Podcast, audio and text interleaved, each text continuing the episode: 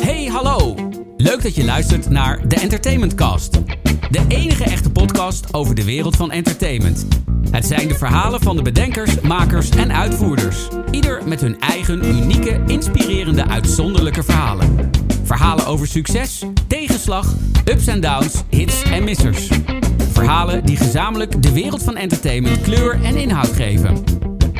In deze aflevering van de Entertainment Cast gaat Mark Hofstede in gesprek met... Ja, mijn gast van vandaag is meester in de rechten, maar nam toch een andere afslag. Van de reeks Krabbe zoekt Picasso tot de openingstune van Op 1. Hij is de man die al jarenlang achter de schermen voor bekende tv-series, programma's en films de muziek componeert. Hij werd ervoor bekroond met een Huizen Buma Award. September start hij eindelijk met zijn eigen theatertour om zijn vrije werk live te kunnen spelen. Mijn gast van vandaag is niemand minder dan Guido Heneman. Welkom Guido. Dankjewel Mark. Meester in de rechten, dat klinkt toch altijd wel heel erg prachtig. Maar uiteindelijk heb je toch via Cambridge uh, een omzwerving gemaakt. En daar heb jij toch je passie voor muziek geprobeerd te vatten in een opleiding. Die moet je eens uitleggen. Ja, dat is wel een enorme, enorme U-bocht. Ja, kijk, ik denk, kijk, muziek zat er altijd al, al in van jongs af aan. Uh, laat ik daarmee beginnen als uh, een klein mannetje uh, van vijf al, al drummen, drumstellen bouwen. de piano, gitaar, zang, dat soort dingen. Dus het zat er voor mij al heel erg in. Alleen ja, ben ik op een gegeven moment rechten gaan studeren. Zoals het bij veel mensen gaat. En maakte wel heel veel muziek daarnaast. Um, alhoewel je nu natuurlijk over Cambridge begint. Dus dat zat ervoor. Ik had een... Um, een uh, toelating gedaan voor een Europese beurs voor het conservatorium in Cambridge. En dat liep toen nog via toenmalige Zweling conservatorium in, uh, in Hilversum. En uh, nou, daar werd ik toegelaten voor die beurs om daar te gaan studeren. En dat was eigenlijk grappig genoeg ook neoclassieke muziek, maar dan echt uh, heel heavy. Dus echt atonale muziek en dergelijke. Ik vond het wel heel erg leuk, fantastisch jaar gehad. het was eigenlijk een opleiding van drie jaar, maar na, na een jaar ben ik er toch wel mee gestopt, omdat ik, ik had hem wel gehaald, maar ik dacht, ik wil muziek maken, maar op een andere manier, op mijn eigen manier. Toen ben ik wel rechten gaan studeren. En daarnaast ja, allerlei bandjes gehad, uh, muziek gemaakt, noem maar, maar op. En um, ja, ook songwriting gedaan, heel veel. en op een gegeven moment terechtgekomen in het, in het ja, zeg maar muziek multimedia vak. Ja, daar, daar, kan er nog heel veel over vertellen. Maar... Ja, dat, dat, gaan we zeker ook doen. Ja. Maar die, die liefde van muziek, is die van huis uit meegekregen? Of uh, ben zelf op een gegeven moment tegen iets aangelopen gedacht van... wauw, dit vind ik te gek? Nou, ik denk in mijn, mijn directe ouders en broer, daar, daar ben ik echt een autodidact. Er was niks in huis, geen piano, geen drumstel. Ik heb het allemaal naar huis gehaald. die arme ouders en broer. Nee, die vonden het heel erg leuk. Uh, maar het zit wel verderop in de familie. Dus het begint al eigenlijk bij mijn uh, ene opa, de vader van mijn vader, die kon goed drummen. Dat deed hij eigenlijk naast zijn eigen zaak. Speelde in een Dixieland band en een jazz en dat soort dingen. En mijn andere opa uh, speelde gitaar en verder, dus van mijn moeders kant. En verderop in de familie uh, van mijn moeders kant zaten, zaten ook echt componisten. Een bekende Zwitserse neoclassieke componist. Die nog ja, les heeft gehad van Fauré en, en dat soort types. Dus het zit verderop, dat is het grappige. Ja. ja. Dus ergens in het DNA is wel iets opgeslagen wat dat laatste zetje heeft gegeven. Ja, zeker. Ja, absoluut. Ja. Hey, jou, jouw dagdagelijkse werk uh, noemen ze met een prachtig mooi duur woord multimedia componist. Ja. Leg eens uit, wat is een multimedia componist? Ja, dat, dat is eigenlijk een componist die uh, muziek maakt voor uh, verschillende typen media. Eigenlijk, om het simpel te zeggen, onder beeld. Dus bijvoorbeeld, ik kom nu net uit mijn studio naar jou toe uh, gereden. En ik ben net met een nieuwe film bezig. Liefde zonder grenzen heet die. Heel mooi, mooi, mooi verhaal en ook heel grappig. En wat ik dan doe, ik krijg beeld en daaronder ga ik eigenlijk muziek zetten. Dat kan dus bijvoorbeeld voor een bioscoopfilm zijn, zoals in dit geval. Maar dat kan ook, hè, dan ben je anderhalf uur uh, aan het vullen met muziek. Maar dat kan ook zijn voor bijvoorbeeld een achtdelige serie. Dan ben je acht keer 45 minuten aan het vullen met muziek. Zoals die Krabbe-reeks bijvoorbeeld, uh, die, ik, die ik elk jaar doe. Maar het kan ook een hele korte tune zijn. Dus bijvoorbeeld de op één tune waar je aan refereerde, die, die is heel kort. Weet je, daar heb je tussen 15, 20 seconden. En dan moet je echt een ident van het programma neerzetten. Dus echt een merk. Maar het kan zelfs nog korter. Ik moest uh, onlangs, een paar maanden geleden, had ik een pitch gewonnen voor uh, Bolletje. En dat was eh, vijf seconden. vijf letter geven.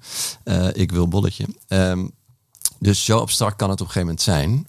Dus dat is eigenlijk wat je doet. En het leuke van het vak is, soms komt alles samen. Bijvoorbeeld voor deze film zijn er ook weer liedjes nodig. En die, die schrijf ik dan ook. Maar dat kan ook in co-writes met artiesten. Uh, en daar maak je dan ook weer een score van. En zo verbindt het alles weer aan elkaar. Maar dus om je, je vraag kort te antwoorden. Ik denk dat muziek onder beeld het, het meeste zegt. Maar het kan ook op de radio, hè, voor een commercial natuurlijk. Ja, nee, nee, nee precies. Nou ja, Wat, wat, ik dan interessant vind, hè, want ik heb daarvoor uh, in mijn vorige leven bij een branding agency uh, gewerkt. Dat creatieve proces. Er komt iemand bij jou langs en die zegt eigenlijk heel simpel: uh, Guido, joh, wij willen eigenlijk heel graag dat jij muziek zet onder onze commercial. Hoe gaat dat bij jou in zijn werk? Ja, ja, hier kan ik echt uh, ook een theatertour op zich uh, aanwijden. Dat, de briefing is heel belangrijk. Dus, dus eigenlijk begint het bij mij heel erg van... heb ik A, met de juiste persoon te maken? Is dat inderdaad de creative director? Of is dat misschien meer de zakelijk producent... die toevallig ook leuk vindt om erover mee te denken? Maar die, dat kan ook heel, heel helpvol zijn. Maar het belangrijk is wel dat je weet wie er beslist. Of in ieder geval ongeveer beslist. Uh, dat vind ik heel belangrijk om te weten. En vervolgens vind ik het belangrijk om te weten, zijn er referenties? Uh, zijn mensen ergens fan van? Willen ze een bepaalde richting op met hun uh, brand, met hun bedrijf? Nou ja, als ze dat, dat kan in sommige gevallen zijn dat ze dat heel helder voor ogen hebben. Dat kan een voordeel en een nadeel zijn. Een voordeel kan zijn dat ze weten waar ze naartoe willen. En dan weet ik dat dus ook. Nadeel kan zijn dat ze met een, met een bestaand voorbeeld komen waar ze niet meer van afkomen in hun hoofd. Ja, precies. Volgens alles wat je maakt ligt er dan onder. Daar moet je voor uitkijken. Dus dan is het toch slim om dan net iets heel anders te doen. En het tweede type eh, zou ik even grofweg willen zeggen. Er zijn uiteraard meerdere typen die weten eigenlijk bij God niet wat ze willen en die moet je aan de hand nemen. Voordeel is, ja, ze weten nog niks, dus je kan ze direct verrassen. Nadeel is dat als ze echt niet weten wat ze willen, dan, ja, dan kan het ook een hele lange weg worden. En, en hoe komt het bij jou? Is het echt zeg maar de, de tv-producent met een, met een, een half A4'tje en, en een kwartiertje beeld? Ja, dat kan het heel goed zijn. Ja, dat, dat is het heel vaak veel gevallen. Kijk, sommige mensen die uh, regisseurs die ik al langer ken, die, je, dan weet ik ook hoe ze denken en uh, dan ken ik hun muzieksmaak en, en dan zit je heel erg op één lijn. Uh, kijk, bij KB bijvoorbeeld gaan we dan het vierde seizoen in voor mij. dan is het nog steeds een zoektocht, maar dan, dan verdiep ik me heel erg in zo'n verhaal. In, in dit geval in een schilder, maar ook de landen die bezocht worden in zo'n documentaire. Uh, dan ga ik, ja, weet je, dan, dan duik ik er echt heel veel in. En dan schiet ik ook een aantal, ook een aantal keer mis in het begin of niet helemaal raken. En dan met de editor. En dan, hè, het kan soms ook zijn dat je iets heel moois maakt waar iedereen te gek vindt. Maar dan gaan ze onder beeld leggen en dan, dan, dan trekt het een beetje of het werkt niet helemaal lekker. Uh, maar wat ik meestal doe om op jouw eerste vraag terug te komen, is dat ik toch wel met verschillende concepten werk. Ik denk, ik leg niet vaak maar één ding neer van dit is het. Het kan wel. Um, ik heb dit wel eens gedaan en het is dan in één keer ook tot het einde gekomen. Dat gewoon, het voelde zo goed. Ik dacht, ik ga het gewoon all the way al opnemen met drums. En ik ben helemaal overtuigd. Ja. En gelukkig de klant ook. Maar het werkt klassiek gezien toch het best dat je drie opzetjes hebt en dat men er één van kiest, bij wijze van spreken. Maar zijn dat dan uh, MIDI-opzetjes of ben jij een dusdanige freak dat het weinig meer met MIDI te maken heeft? Ja, nou kijk, het, om, om jezelf heel veel tijd en kosten te besparen, is, is een MIDI-opzetje wel goed probeer er wel altijd echt de audio-elementen al van de start eigenlijk wel in te zetten hoor. Ja. Ik heb nu vandaag toevallig uh, dus voor die film ook mijn eerste aanlevering gedaan. En er zit best wel echt gitaar bij. Uh, maar ik heb bijvoorbeeld een mooie vleugel staan. Maar voordat ik die op ga nemen, dan, zet ik, dan doe ik het eerst met een sample piano. Maar dat zijn dan wel plugins waar eigenlijk jij en ik niet meer het verschil tussen horen of het nou echt of niet nee, echt is. Het is echt op het hoogste niveau. En ik denk dat, uh, ja, dat je wil ook nog iets te winnen hebben in de uiteindelijke productie. He, dan bent echt de blazer volt of echte drums kan ook echt het verschil maken. En als je dat al weggeeft in je demo die ook nog eens afgekeurd wordt. Dat is een beetje zonde. Dan is dat zonde, ja. hey, en uh, kijkende naar um, um, iets, iets wat ik ook best wel veel van collega's hoor van jou. Die zeggen van, uh, ja, we zouden af en toe wel eens een weekje extra de tijd willen hebben om iets af te maken. Is het nog steeds zo dat jullie echt last minute uh, een verhaal over de schutting gegooid krijgen? Veel plezier mee? Ja, wij zitten helaas wel in het staartje in de meeste gevallen. En, soms is dat ook gewoon goed. Ik heb ook wel eens meegemaakt dat ik te vroeg op mijn eigen aanraden uh, betrokken was. Maar echt te vroeg. Dat was bijvoorbeeld voor de, voor de leader van Big Brother die weer terugkwam vorig jaar. Was ik erg vroeg betrokken. We hadden met drie partijen te maken. In, eh, eh, in twee verschillende landen ook nog eens. Ja, dan ben je er te vroeg bij en heb je ook te veel tijd. En dan, ja, dan ga je zoveel dingen maken en iedereen wil wat anders. En, dat, eh, en uiteindelijk is het heel vet geworden. Ehm, maar daar ben ik ook ja, bijzonder trots op dat dat eigenlijk gelukt is. Eh, terwijl het soms heb je gewoon nodig dat je even die druk erop hebt. Maar het staartje zitten betekent bijvoorbeeld bij een film dat eh, dan werk je uiteindelijk op een picture lock. Beeld gaat op slot. Nou, en dan kan je echt hem gaan optillen. Nou, dan kan je daarvoor al muziek hebben gemaakt, een beetje library-achtig om te testen en te doen. Dat doe ik in dit geval ook omdat er korte tijd is. Maar die, die, het is altijd een strijd tussen de, de regisseur die wil eh, en de editor die willen zo lang mogelijk rekken tot die picture lock. Ja. En ik wil hem zo vroeg mogelijk hebben, omdat ik dan zo lang mogelijk heb. En dan moet hij naar de distributeur. Ehm, en dat betekent dat eh, ik eigenlijk in het staartje eh, voor een film vaak maximaal een maand heb. Maar ik hoor dat ze in Hollywood eh, ook wel eens gewoon maar 2,5 weken hebben of zo. En dan gewoon Ja, bizar. gaan. Het is echt bizar, ja. Ja. Dus ja ik, ja, ik vind persoonlijk te laat betrokken worden wel vervelend. Ik, ik denk dat ik toch iets eerder in sta, maar het hoeft ook niet te vroeg. Want dan krijg je dus, eh, wat ik in het begin eh, zei, dat je, dat je soms iets hebt waar iedereen heel enthousiast over is, maar onder beeld niet werkt. Ja. En het punt is, als iemand een nieuw programma neer, neerzet, dan heb je een aantal. Ja, mensen willen ook in de stemming komen. Dus er wordt een productieteam gevormd. En dan denk ik ze, hé, hey, wat lach ik en met tune. Zet even op de redactievergadering, zet ik al lekker die tune aan. Dus iedereen helemaal blij. En vervolgens ga je met, met beeld erbij werken of graphics. En dan is het toch weer niet zo goed, weet je wel. Dus, en andersom kan ook dat, dat men denkt, nou, beetje saai, die score of die tune. Maar die werkt ontzettend doelmatig. Ja. Maar dat weet je pas als het beeld er weer is. Dus, dus ik zou zeggen, als ik voor mezelf een antwoord geef, niet te laat het liefst, maar zeker ook niet te vroeg. Nee, maar ik, ik kan me voorstellen dat je, eh, als je heel veel tijd krijgt, dat je je ook verliest in de hoeveelheid ideeën die je hebt. En dat je jezelf at alleen maar moeilijker maakt. Absoluut. Nee, dat, dat is ook zo. Ik, ik ben er ook van teruggekomen dat ik, dat ik te veel opzetjes ga sturen en maken. Het is wel zo, en dat is een beetje in de commercial wereld, heb je gewoon eindeloze aanpassingsrondes. Het, het hangt er een beetje vanaf hoe rechtstreeks je werkt, maar ik werk dan vaak met een muziekbureau er nog tussen. Dus die jongens zijn al heel muzikaal en heel goed. Die sturen mij weer aan, maar die hebben het reclamebureau. En het reclamebureau heeft natuurlijk weer de eindklant. Ja. In, in theorie zijn dat drie verschillende meningen. Als je die van mij er ook bij optelt, zit je al met vier meningen op een stoel. Ja. En dat is natuurlijk de, de, de truc, is dat de, de, de music supervisor, zeg maar, eh, dat voor jou filtert. Maar in die filtering kan natuurlijk ook heel verloren gaan. En mijn angst is altijd van, jeetje, dat ene opzetje wat in die eerste rondes blijft steken, vindt misschien de eindklant wel heel goed. Maar daar moet je op een gegeven moment ook afscheid van nemen, want dat is gewoon het spel. En, en je zit met heel veel aanpassingen en eh, soorten uitvoeringen. Dus eh, iedereen die aan dit vak wil beginnen, je moet, je moet er ook wel echt tegen kunnen dat je veel wijzigt. Maar ja, goed, het, Ja. resulteerde in 2018 uit mijn hoofd wel dat je een Buma Award kreeg. Dat is natuurlijk gewoon een geweldige erkenning. Ja, dat, dat is echt fantastisch. En dan ook nog wel voor, voor een programma waar je echt met hart en ziel in zit. Dat, dat zit in principe natuurlijk wel in alles wat ik doe. Maar daar echt nog even dat extra stapje erbovenop. Omdat het ook over artiesten gaat, over kunstenaars. Ja. Dus je herkent gek genoeg in zo'n Chagall ook gewoon dingen van jezelf. eh, eh, waar jij ook mee bezig bent met artiesten die misschien in eerste instantie niet erkend worden. En uiteindelijk toch het succes en dan weer naar beneden gaan, weer opstaan. Hele, en dat is bij die schilders natuurlijk al helemaal. En ja, en dan, en dan werk je echt met het topteam van Nederland. Dus echt met topregisseur, topcameraman, top editor. Eh, ja, dat is echt een feest werken. En als je daar dan voor bekroond wordt, Ja. Ja, dat, is, dat was voor mij wel echt gek. En ik, ik had toen ook wel het gevoel, ik zal nooit vergeten die Buma Award. Ik was waarschijnlijk heel naïef dat mijn eerste Buma Award bijeenkomst was. En eh, ik, ging een, een lodge in. En eh, achter mij zat Armin van Buren. En eh, nog een aantal prijswinnaars die zei, joh, die feliciteerde me al. Maar ik, ik wist nog niet dat ik gewonnen had. dus ik zat er nog van, nou ja, leuk dat je me feliciteert. Maar, eh, maar kennelijk als je daar zat, had je al een prijs gewonnen.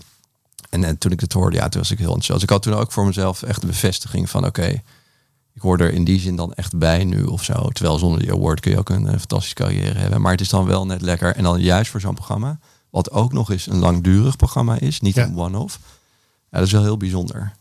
Hey, en en, en hè, ik bedoel, uiteindelijk in, in je antwoord maak ik er gewoon heel erg het op dat jij gewoon ook cultureel geëngageerd bent. Ja, dus de interesse voor kunst Ja. in de meest brede zin van het woord zit er wel in. Ja, zit er zeker in. Ja, ik bedoel, ik, ik- ook zelfs met, met klassieke muziek. Ik luister heel veel klassieke muziek, maar ik ben echt niet goed in, in namen of zo. Met schilders hetzelfde. Ik kan er helemaal induiken. Ja. En volgende keer helemaal in Rachmaninoff gedoken. Dat vind ik dan fantastisch, weet je wel.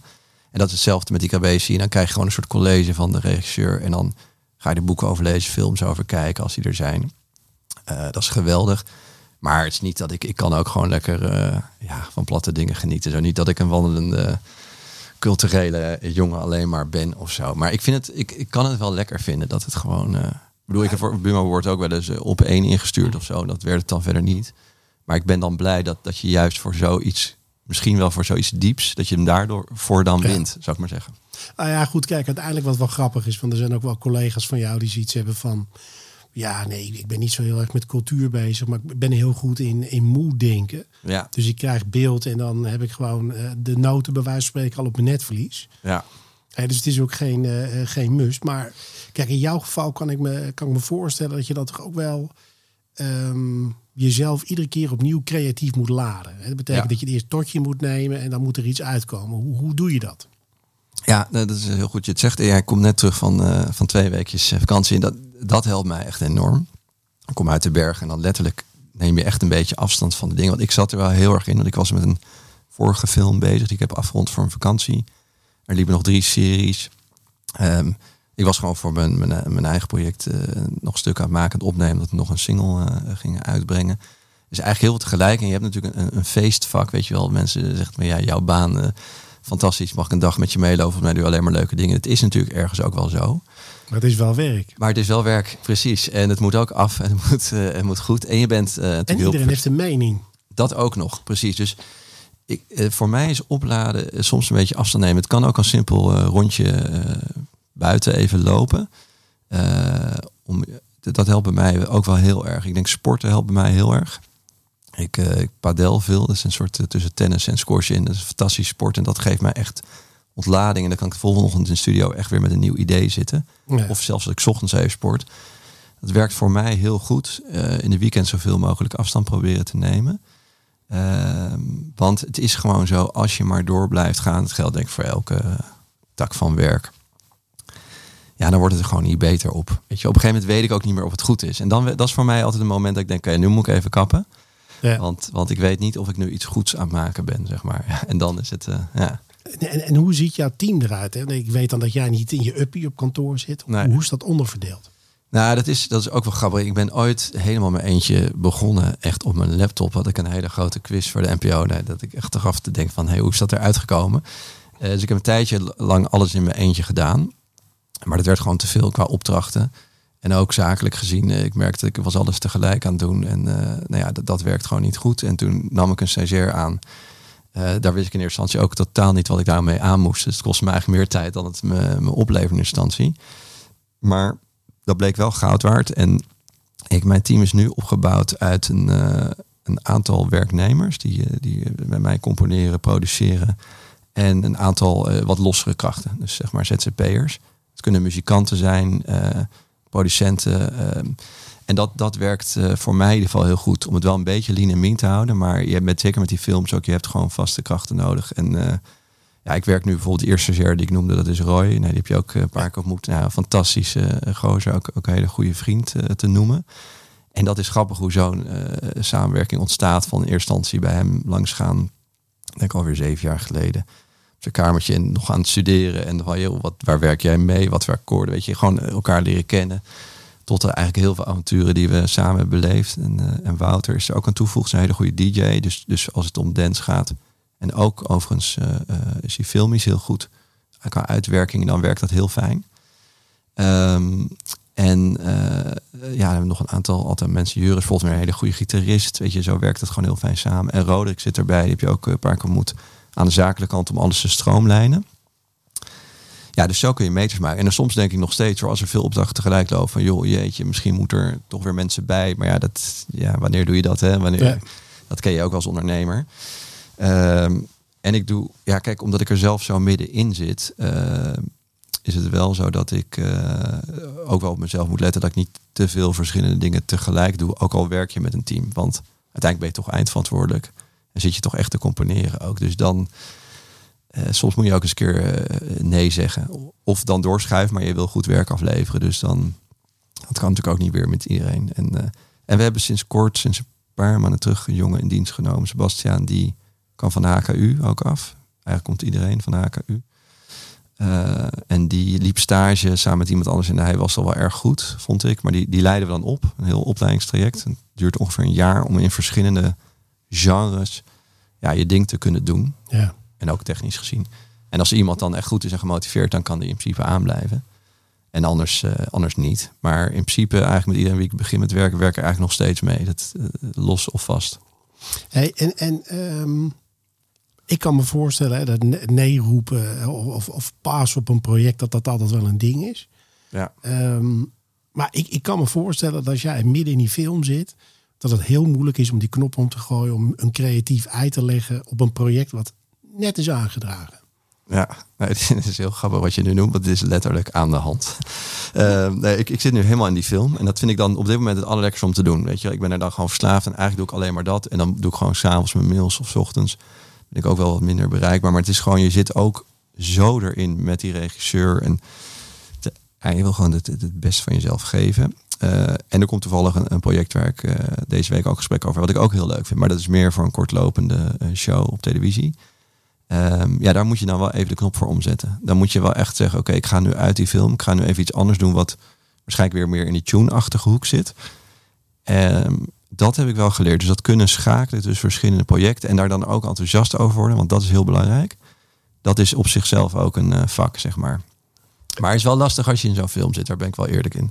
Ja, dat kan, dat kan- ik kan me dat heel goed voorstellen dat dat schakelen gewoon in een creatief proces echt een uitdaging is. Ja. Nou ja, je, kijk, je zou natuurlijk ook kunnen zeggen, daar heb ik ook wel eens over nagedacht. Je doet gewoon bijvoorbeeld alleen maar films en dan doe je er een paar van per jaar en dat is het dan. Maar daar ben ik dan weer te fanatiek voor. Dat merk ik dan weer aan mezelf. Eh, daar moet dan toch weer meer. En omdat ik met meerdere mensen werk, kan het ook. Hè? Want kijk, in het begin, eh, ik weet dat een Nederlandse versie van Masterchef ging maken. Dat was echt zo'n breekpunt dat ik dacht, ja, daar moeten gewoon mensen bij. Want eh, er komt voor zo'n show gewoon, komen gewoon 80 tracks met afgeleiden. Alleen al op zo'n show. Ja, dat, dat, eh, dan kan je er eigenlijk niks naast doen als je dat in je eentje zou doen. Als je het al in je eentje kan doen. Ja.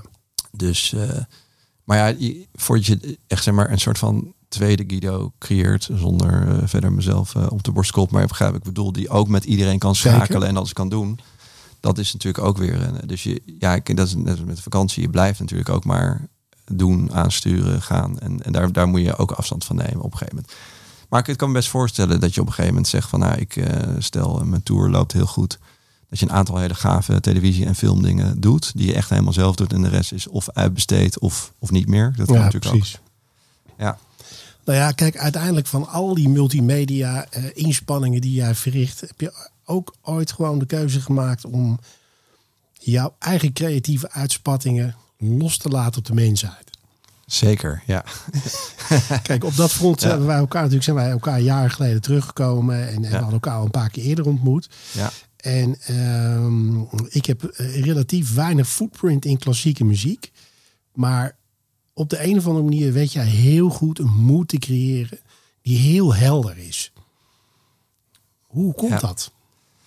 Ja, Of laat, laat Ja. ik hem anders stellen, weet je. Ja. Is dat gewoon hè, eh, voor jou letterlijk en figuurlijk op zondagochtend eh, naar beneden gaan, eh, achter je eigen thuisvleugel kruipen en, en maar wat doen? ja dat, dat is wel hoe het begint. Eh, Toevallig nu ook, nu ik terugkwam uit de bergen. eh, ik was ook echt heel hoog geweest op, op de gletsjer en zo. Dat helpt mij altijd heel lekker mee. Misschien zijn het toch mijn half Zwitserse roots of zo, ik weet het niet.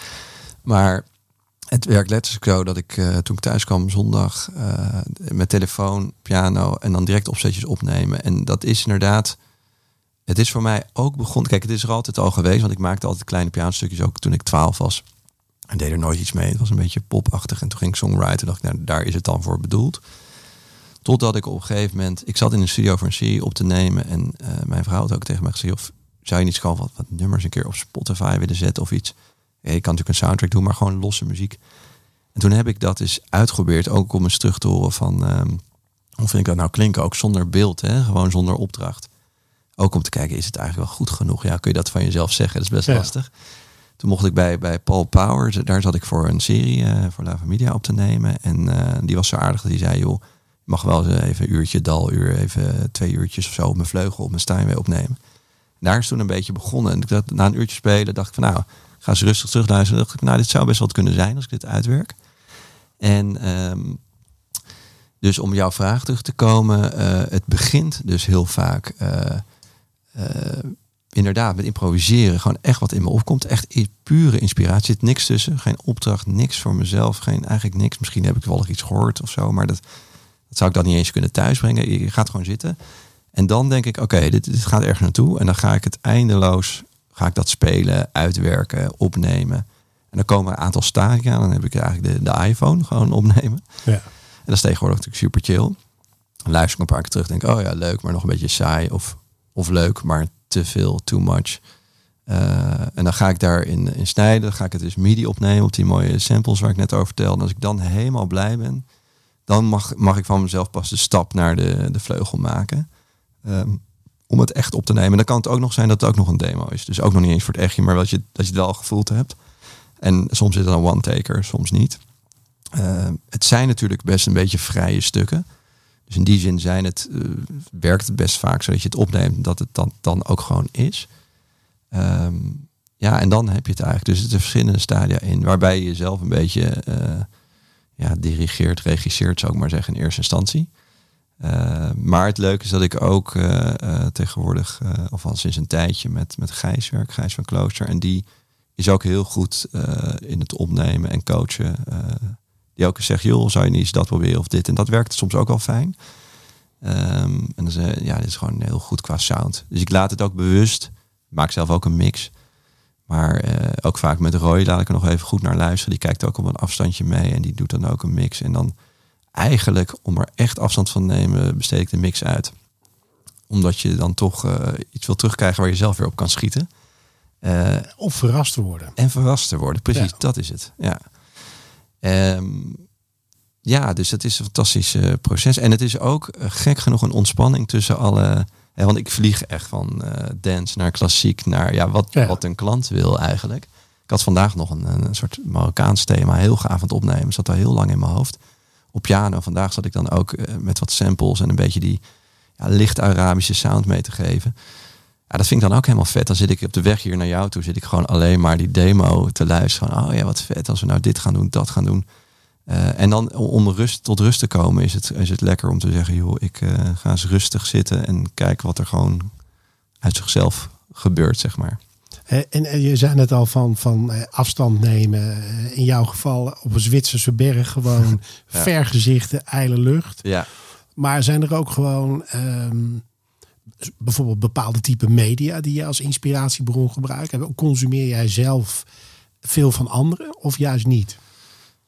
Ja, dat, ik, ik had vroeger altijd een beetje de illusie van om echt puur te blijven, om zo weinig mogelijk te luisteren. Aan de andere kant, ja, misschien ben ik ook te, te veel vakidioot. Je, je wil ook ergens met je tijd mee of zo, weet je wel. Het, het is ook niet cool om, ja, of juist weer wel, maar om, om iets te gaan opnemen wat, wat al lang niet meer cool is. En als je het zelf dan uh, heel vet vindt, moet je dat vooral doen. Ja. Dus ik denk dat ik, ik ben wel daarin van, ik consumeer dus wel veel ook. Ik luister veel. Um, uh, veel soundtracks bijvoorbeeld. Dat vind ik altijd heel lekker. Gewoon heel ontspannen. Uh, en daar leer ik ook veel van. Uh, wat ik vooral ook leer als ik dan zo'n film kijk van hoe is die muziek dan ingezet. Hè? Dat is altijd heel belangrijk, die in- en die uitput. Maar voor mijn eigen project. Ik luister, ik ga wel, wat ik wel steeds meer probeer is om terug te gaan naar de bron. Dus je kan natuurlijk zeggen van joh, ik, ik ga luisteren naar een aantal neoclassieke personen van mijn tijd. Dat doe ik zeker ook. maar ik vind het dan ook lekker om een stapjes terug te gaan in de tijd. ik veel, maar aan de ene kant figuren als Brian Eno, die ook al met dat neoclassieke speelde.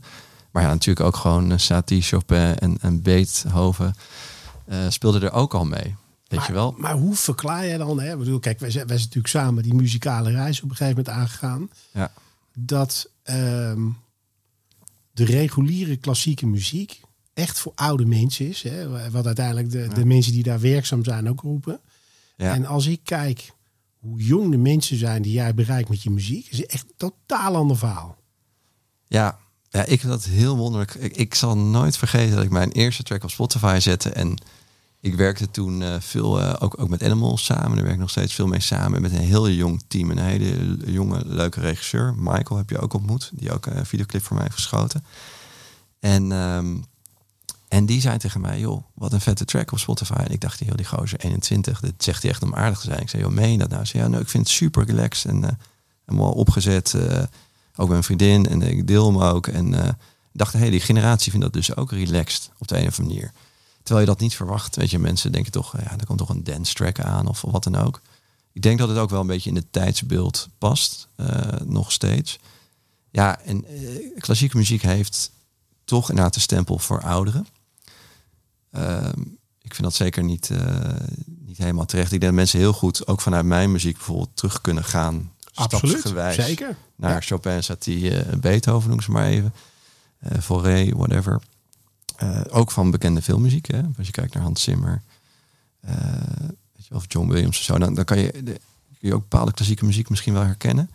Dus, maar ook Armin van Buren, weet je wel, bepaalde trance dingen, die zijn gewoon klassiek geïnspireerd. Dus ja, het is jammer dat die weg. Ik zou daar dus heel graag nog eens een keer een tv-programma of zo over willen maken. Maar ook dat is dus moeilijk, omdat het, men dus ook denkt dat het geen eh, jongeren bereikt. Maar is eigenlijk heel vet.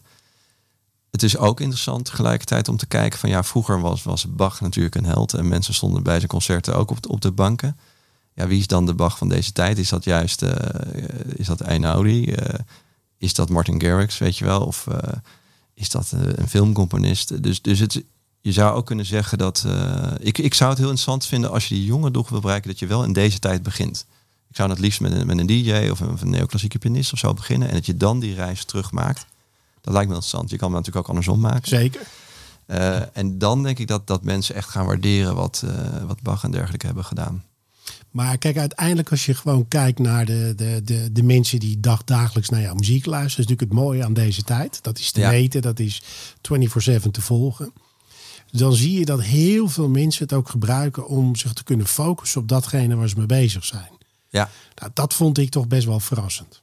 ja, ja, dat je eigenlijk, hè, stel voor, jij bent 17 en normaal gesproken Ja. ga je ieder weekend drie keer door de geluidsbarrière. ja. En dan komt toch dat wiskunde eh, tentamen eraan. Ja.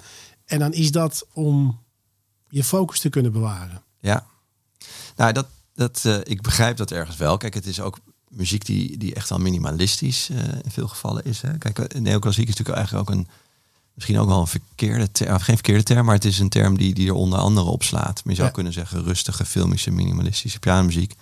Ben je er ook, alleen een mond vol natuurlijk. Ja. Maar neoclassiek eh, kan ook eh, Stockhausen zijn met, met strijkkwartetten die, die juist heel voor jouw gevoel heel onlogisch spelen. Of, of Volgens mijn nichtje, dat conservatorium ook in Engeland, die houdt, hield zich alleen maar bezig met atonale muziek. Op een gegeven moment niet eens meer met instrumenten, maar met alleen nog maar met sounds. Dus neoclassiek is wel breed, maar ik denk voor die focus, eh, ja, muziek met gaten erin, hè, met, met een beetje wachten, een beetje tijd nemen tussen akkoorden, melodieën.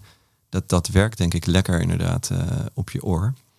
Voor de focus. En, en ook om, om eh, ja, het is eigenlijk een soort stilte in de muziek vinden. Ook.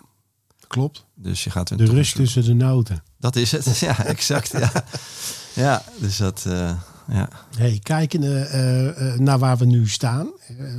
We zijn inmiddels eh 17 coronamaanden verder. Ja, ja.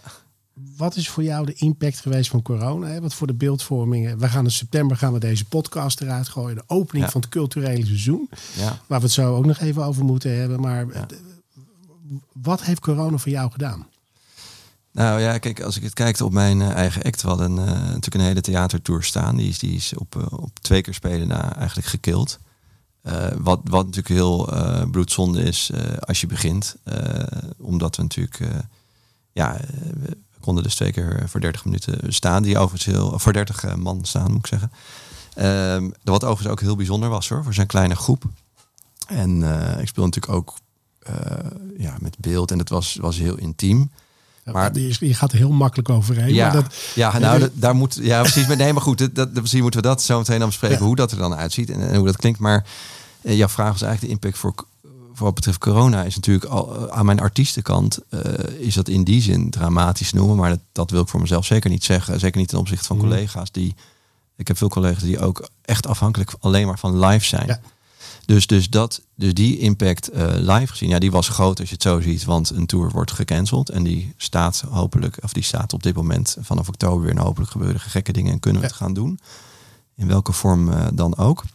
Is ietsje kleiner geworden, maar er ook best wel veel shows juist weer overeind gebleven. En dat leidt denk ik ook wel weer tot meer shows. En hopelijk volgend jaar weer festivals en, en dat soort zaken. Hè? Wat, wat wij natuurlijk willen op veel festivals spe- als, eh, spelen. In de buitenlucht. Als je, eh, als je kijkt naar mijn multimedia, dan, dan leek het in het begin toen het startte, leek het echt dramatisch. Eh, toen dacht ik echt, ik zat in mijn eentje in, dat, in het pand waar, waar allemaal bedrijven zitten. En ik zat er echt alleen. De verwarming was zelfs uitgedraaid. En ik dacht, de wereld vergaat. Iedereen heeft dat moment wel gehad. Ik dacht, nou kan ik eindelijk aan mijn eigen plaat. En, en, alle, en toen weet ik dat ik een rondje producenten belde. En al vrij snel... Ik weet nog de eerste... Ik had een hele leader af voor een nieuwe eh, RTL-show was dat. En die werd gekild of gecanceld. Die is ook nooit meer van de grond komen. Wat, wat had misschien ook andere redenen. Toen dacht ik wel even, oké, dit, dit gaat echt helemaal mis. Want uh, ja, in ieder geval voor, voor shows en zo, dat, dat, dat kan maar niet doorgaan. Uh, maar al vrij snel met de aangepaste maatregelen en de media-uitzondering, zou ik maar zeggen, hè, dat je toch met een groepje naar het buitenland kon om te filmen, is eigenlijk alles weer omgedraaid en is het eigenlijk juist weer heel druk geworden. Daar is het wel zo dat het moeilijker is geworden om te filmen. Dus ik merk wel mijn projecten verschuivingen. Dus veel ja. naar achter geschoven. Hè. Dus heel veel is naar 2022 toe. Uh, bepaalde buitenlandreizen zijn even afgezegd. Uh, ik had nog uh, een documentaire gemaakt die gedeeltelijk in Amerika zat. Nou, dat, dat was allemaal naar achter geschoven. bijvoorbeeld een, een, bioscoopfilm, dat is voor mij altijd wel echt impact als componist. die is nooit in de bioscoop, althans, die is heel, heel kort in de bioscoop geweest en direct naar Pathé online. Nou ja, dat, dat, zijn, dat zijn natuurlijk wel impactvolle dingen. Als, dat, als jij van, van films afhankelijk bent en dat komt niet in de bioscoop, en dan, zit je, dan heb je ook geen upside meer. Dus dan is het. Uh, dan is dat. En dan zit de upside voor jou in Buma stemmen. Ja, precies. En dat, dat is er dan niet meer. Dus, dus uh, ja, dat, dat, Weet je wel, uh, dus, dus maar om, om, uh, om wat bondiger te antwoorden, artiesten uh, van de artiestenkant, ja, denk daar maat, ze kon niet live spelen. Overigens konden wel tracks uitbrengen natuurlijk. En dat doen we natuurlijk zo ongeveer om de maand, anderhalf. Dus dat is natuurlijk, dat gaat gewoon door. Maar ik, ik weet nog dat ik die, ik speelde die show, ook al was maar voor 30 man. Ik ging naar de radio toe. Ja, het, het liep net allemaal lekker. Wel Paradiso natuurlijk gedaan, ook wel allemaal aangepast. Uh, en ineens staat het wel helemaal stil. Dus dat, die kant. Uh, maar nogmaals, ik, ik ga mezelf absoluut niet zielig noemen. Maar dus dat is wel echt, wel, heeft echt een grote impact. En de, en de andere kant is eigenlijk uiteindelijk tot, dit, tot op dit moment in ieder geval doorgaan zoals het ging. En misschien zelfs nog wel meer. Ja, wat ik een beetje hoorde vanuit de tv-kant. Het is een maand rustig geweest. Ja, Advertentieinkomsten waren ja. minder. En daarna was het business as usual. Wat natuurlijk hartstikke fijn is. Dat is hartstikke fijn. En dat is natuurlijk ook in de discussies natuurlijk als je bij uh, Buma en Sena en dergelijke is het... Uh, ja, kijk, in de media heb je andere uitdagingen dan corona. Van joh, als, als, als de hele boel naar Netflix verschuift, om simpel te zeggen, of in ieder geval naar VOD. hoe gaan we dan nog om met collectieve uh, recht en hoe, hoe werkt dat? Dat was eigenlijk en is nog steeds een, een belangrijker thema op dit moment dan corona. Om, en gelukkig zijn de advertentieinkomsten inderdaad weer toegenomen. Ja. ja. Maar de, de, signaleer je daar problemen? Qua jouw auteursrechtelijke inkomsten? Ja, kijk, de, de hoop is natuurlijk altijd in het, het gevoel en vertrouwen wat je moet hebben is van joh, als jij succesvol in je vak bent, dan komt dat links of rechtsom goed. En dan, dan huppelt de buurman er wel achteraan of de, of de Sena. Maar ja, ik, ik, ik durf ook niet helemaal dat vertrouwen. Ik denk dat je wel moet blijven opletten dat je ook voor andere businessmodellen open moet staan. Bijvoorbeeld een, een flat fee of weet je wel, andere, andere businessmodellen. Ik denk dat, dat je daarin toch ook al gedeeltelijk mee moet met je tijd. En dat probeer ik nu ook uh, te doen. Dat is, dat is in jouw vak natuurlijk al, al een hele tijd aan de hand. Hè? Dat Klopt. je ja. uh, een, opdracht krijgt vanuit een uh, music supervisor. Iedereen ja. wil uit de ruif mee eten. Ja, nee, dat is natuurlijk het, ja. sowieso het geval. Dus dat is al een enorme uitdaging. In die zin ben ik, toen ik erin kwam, was, was eigenlijk alle, ja, alles was al gedaan. En iedereen kent het spel natuurlijk wel al een beetje. Alleen, ik denk dat... Um, laat ik het zo zeggen. Het is ook laatst had ik een heel leuk gesprek met een producent die heel veel voor, uh, voor VOD doet. Ja, dan moet je een, een andere prijs afspreken dan dat iets uh, continu op RTL 4 of NPO 1 komt. Omdat er gewoon geen upside op dit moment, is er wel, maar het is echt mondjesmaat nog vanuit de auteursrechtelijke instanties. Dus dat, en dat is een verschuiving, want die producent, ja, die komt ook vanuit lineaire tv, dus die weet niet beter. Die, die denkt, ja, ik huur toch gewoon een componist in, dat ik nu voor Videoland iets maak. Wat maakt dat voor mij uit? Ik heb nog steeds hetzelfde budget. Ja, die discussie heb ik ook wel eens met een, een, een muziekbureau gehad voor als je een commercial online maakt. Ja. Die zei ook, we zouden eigenlijk meer aan Adidas moeten vragen dan minder. Maar hun budget voor die commercial is minder. Maar wij als muziekmensen hebben geen upside meer, dus of heel weinig. Als het alleen maar op YouTube is. Dus dat is iets waar je. Uh, ik weet nog wel, ook een paar jaar geleden. Dat was zeker niet de motivatie hoor, om live artiest te worden. Maar dat ik wel eens dacht van hé, hey, je, je wilt toch ook iets met tickets doen of gewoon iets wat gewoon een, een normaal, ja, is normaal, maar je begrijpt wat ik bedoel, waar je gewoon een kaartje afrekent of en, en niet alleen maar afhankelijk zijn van een upside die heel vaag is, kan zijn. Of een show gaat niet meer door, of het wordt heel succesvol. Dat kan natuurlijk ook. Eh, en als dat dan op een gegeven moment naar een platform gaat waar dat nog niet zo goed geregeld is, laat het zo zeggen, dan moet je, dan moet je jezelf niet in de vingers snijden. Dat is, en dat is, ja, dat is een mentaliteit die moeten met z'n allen. Maar kijk, aan de, tegelijkertijd, eh, volgens mij zei ze over radio 25 jaar geleden ook al dat het dood was. Nou, volgens mij 538 uh, recordjaar aan winst vorig jaar gedraaid. Nou, weet jij waarschijnlijk beter dan ik, of, of daarvoor. En... Nou ja, kijk, eh, ik denk dat de discussie daar een ander is. Is er uh, ruimte voor radio na, naast het streaminggeweld? Ja. ja, dat denk ik wel. Kijk, de jongeren ja. luisteren relatief weinig tot geen radio. Maar ja. er komt altijd een keer een check-in moment dat ze het ontdekken. Klopt, en dat is met tv natuurlijk ook. Want ja. lineair loopt eigenlijk weer heel goed. Hè. Ik kan kijkcijfers. En, en ik dacht het een paar geleden dat lineair misschien ook wel dood zou zijn. Ik vond daarom die commercial kant ook nog wel interessant. En, um, en nu is het dus eigenlijk groter dan ooit. Weet je, als je kijkt naar zo'n Sirius op één die begon. Ja, nu vindt het vanzelfsprekend een soort vaste waarde geworden. Maar toen dat begon ten opzichte van Jinek was het echt zo van joh, we moeten iets anders gaan doen. Want niemand kan het uh, tegen haar opnemen. Het zal wel gekild zijn na drie weken. Ja. En toen kwam de op zich briljante move, die, die eigenlijk niemand zag zitten in eerste instantie van die duo's. En uh, de, het ene duo is misschien beter dan het andere, maar uiteindelijk uh, zorgt voor een vaste waarde. En misschien ook wel in die coronatijd met alle specialisten en de urgentie. Uh, maar dat is gewoon, dat, dat geeft wel aan dat lineair, dat heb je nog niet op YouTube zoiets, laat ik het zo zeggen. Ja, heb je misschien wel, maar een andere vorm. Ja, kijk, de, zolang er geen echt verdienmodel in YouTube is, voor nee. dat soort uh, exact. projecten, dan wordt dat een beetje lastig. Precies, ja. Maar grosso modo kunnen we dus stellen dat, dat, uh, dat jij redelijk goed door, uh, door deze turbulente tijd bent gekomen. Ja, ja, ik denk het wel. Ja. Heeft dat nog iets gedaan met jouw creativiteit? Ja. Is corona nog een zaadje geweest om iets te maken wat, wat diep verzonken in jouw brein zat ja. en nu de weg naar buiten heeft gevonden? Nou ja, ik ben, uh, ik ben op een gegeven moment die, die Instagram live uh, gewoon mijn telefoon omgedraaid. En, uh, en verder niet te veel op, op geluidskwaliteit, beeldkwaliteit gelet. Maar gewoon af en toe die concertjes gaan geven. En daar kreeg ik wel heel veel reacties op. Dat vond ik leuk. En daar ontstond een, een fenomeen, de, free, de fenomeen, de free flows. Dat had ik het genoemd. En dat betekent eigenlijk gewoon improvisaties. Mooi woord voor improvisatie. Um, en die heb ik, dat is wel grappig, want dat ging gewoon spelen. En op een gegeven moment gingen mensen onderwerpen, konden mensen onderwerpen indienen. En dan ging ik op basis daarvan uh, het kon bijvoorbeeld ook, ik weet nog dat het de uh, ene keer was de dood van Maradona bijvoorbeeld of zo. Uh, maar de andere keer was gewoon, ik voel me zo en zo. en daar, daar improviseerde ik dan op. En dat heb ik nog wel eens ook gebruikt om uiteindelijk stukken van te maken. Dus dat was wel heel erg leuk. Dus dat, heeft, dat was wel iets positiefs. Kijk, het, het, negatieve psychologische effect van corona, dat zal de meeste mensen ook wel herkennen. In het begin was ook qua werk dat je je kreeg soms geen antwoord of zo. Je had ja. dat idee, oh, die heeft nu corona of die heeft even geen zin. Mensen zijn wat meer verscholen hè, achter hun bureau. Klopt. Thuis dan. en uh, terwijl ik gewoon wel doorging. Alleen dat pand was ook er eens redelijk leeg, wat ik zei. Dus je, je, ja, ik ben gewoon ook veel gaan sporten en gewoon gedacht van ja, we moeten gewoon doorrammen. Nou ja, wat wij met z'n tweeën natuurlijk ook hebben gedaan met, met de artiestenkant. Gewoon maar alles doen wat je kan doen. En streams pakken en uh, livestreams en, uh, en, en, en singles blijven uitbrengen. Dus psychologisch was zeker wel een momentje dat je het echt even gehad hebt natuurlijk. Maar ja, het is natuurlijk fijn, hè, ik bedoel, uh, als, de, als de boel redelijk doorloopt. Als jij het ene na het ander gecanceld uh, ziet worden waarvan je volledig financieel afhankelijk bent, dan, uh, dan praat je wel anders, denk ik. Zeker. En ja. Hey, en, en merk jij dat het mensen om je heen veranderd heeft? Die, die rare corona-vibe? Nou, ja, bedoel je in, in de, de, de, meer in de muziek, in de zakelijke kant of vrienden? Ja, nee, ik, ik kan me voorstellen, ja. dat het brengt natuurlijk ook een bepaalde mood met zich mee. Ja.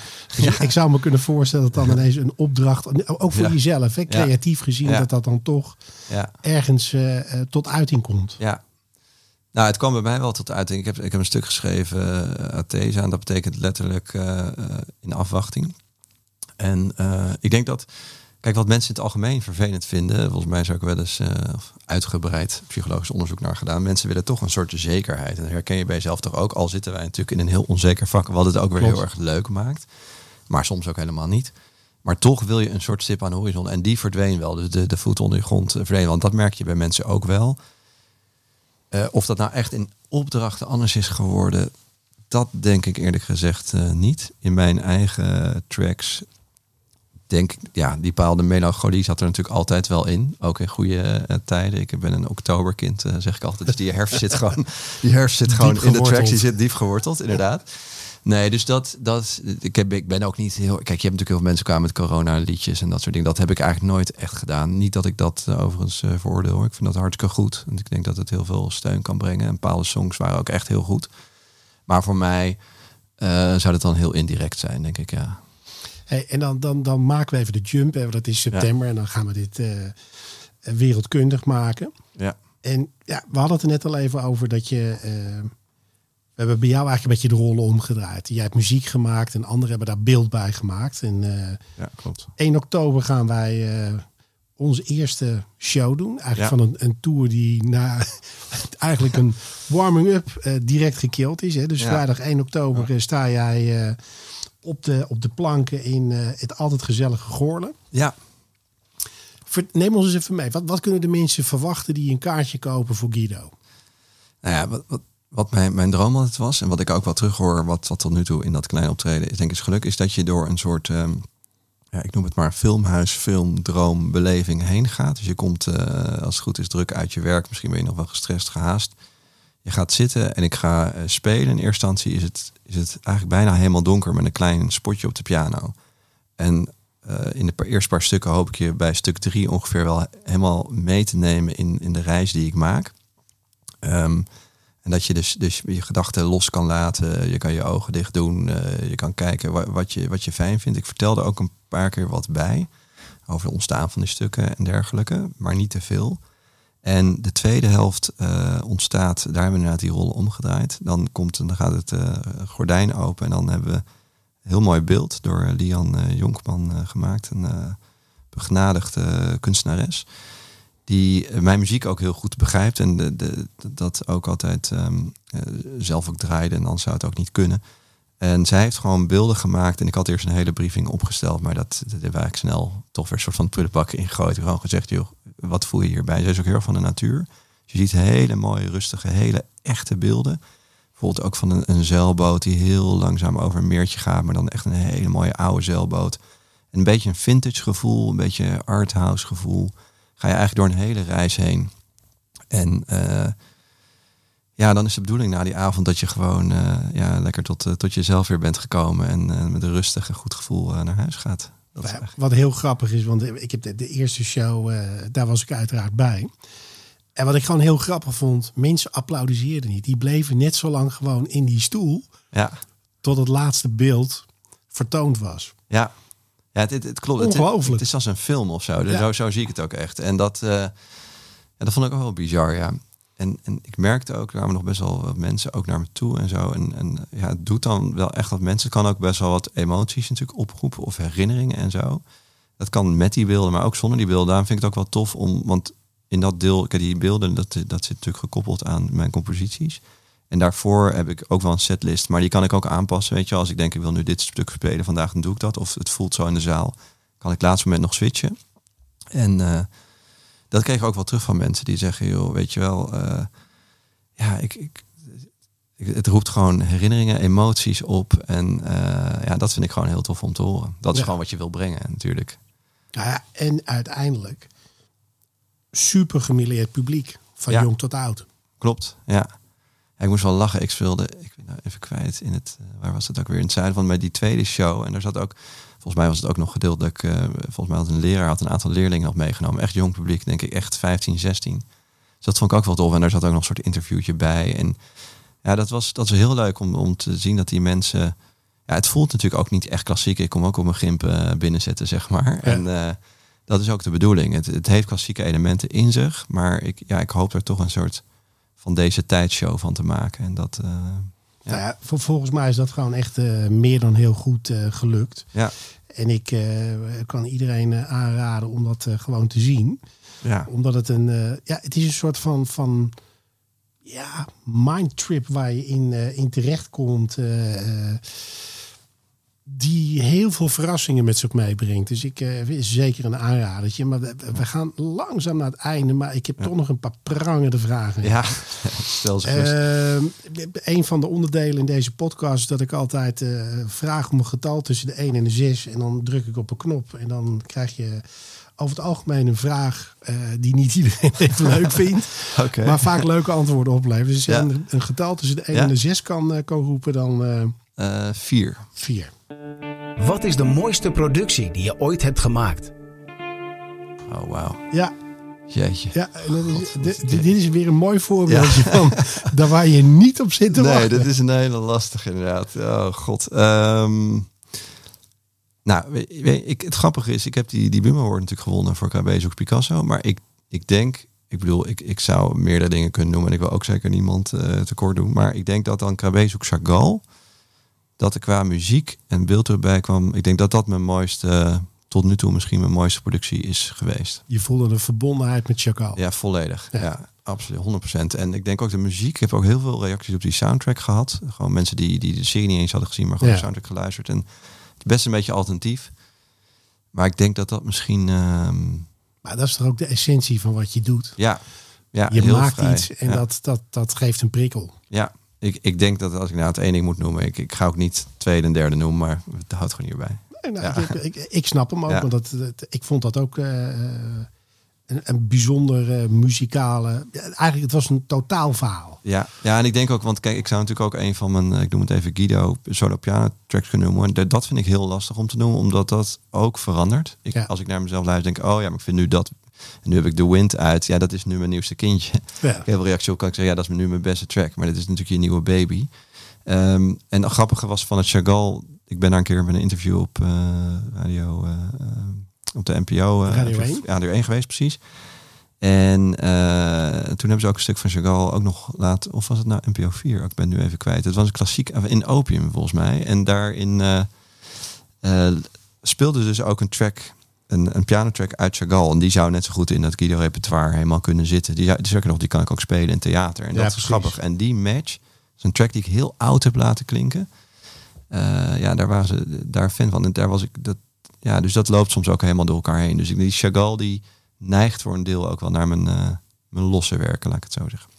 Hey, en, en wie, eh, ik vind dat wel leuk om, om, om ook bij uh, mijn gasten een soort van voorbeelden te halen. Als je kijkt naar wat je zelf maakt, wie vind jij dan echt een voorbeeld binnen het muzikale universum waarbinnen ons wij bewegen? Ja, ja dat is natuurlijk.